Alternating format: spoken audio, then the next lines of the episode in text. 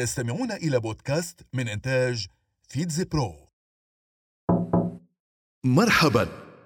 أنا جني آلة الزمن.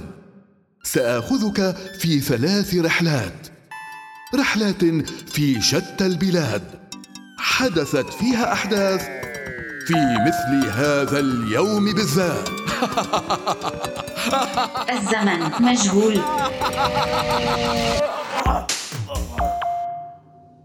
اسمي دراغون اثنين. أنا مركبة فضائية قابلة لإعادة الاستخدام. تقوم شركة سبيس إكس بتصنيعي. هذه الشركة التي أسسها الملياردير إيلون ماسك عام 2002 جئت خلفا للمركبة الفضائية دراغون واحد. لكني أختلف عنها بقدرتي على رصف نفسي إلى محطة الفضاء الدولية. سبيس إكس هي أول شركة خاصة تتمكن من إطلاق رواد الفضاء. حدث ذلك في الثلاثين من مايو عام 2020 عندما أطلقتني الشركة في مهمة سميت كرو دراغون ديمو 2 كان على متني رائدي فضاء أمريكيين دوغلاس هارلي وروبرت بنكن وبذلك كنت أول مهمة مأهولة بصاروخ أمريكي من أرض أمريكية منذ ما يقرب من تسع سنوات. 2020 أنا اتفاق عسكري تم توقيعه بين مصر والأردن. سميت باتفاقية الدفاع المشترك. مثل الجانب الأردني فيني الملك حسين بن طلال الملك الثالث للأردن. بينما مثلني من الجانب المصري الرئيس جمال عبد الناصر الرئيس الثاني للجمهورية المصرية.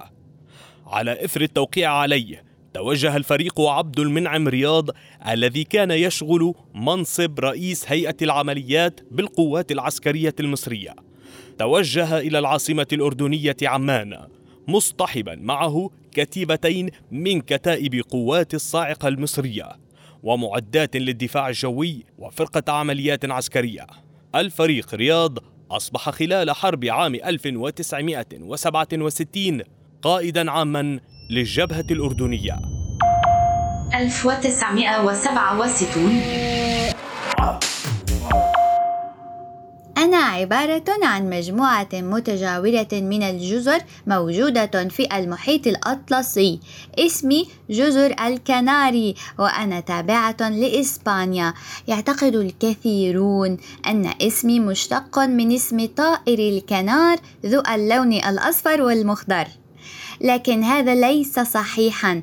فاسم هذا الطائر هو مشتق مني أنا وليس العكس. أما أما تسميتي فهي قادمة من اللغة اللاتينية وتعني حرفيا جزر الكلاب. يقال آه، حسب المؤرخين إن الملك الأمازيغي جوبا الثاني هو من اختار لي هذه التسمية بسبب وجود أعداد كبيرة من الكلاب كبيرة الحجم فيني.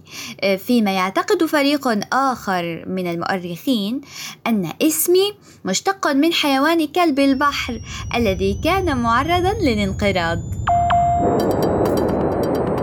العودة إلى الواقع.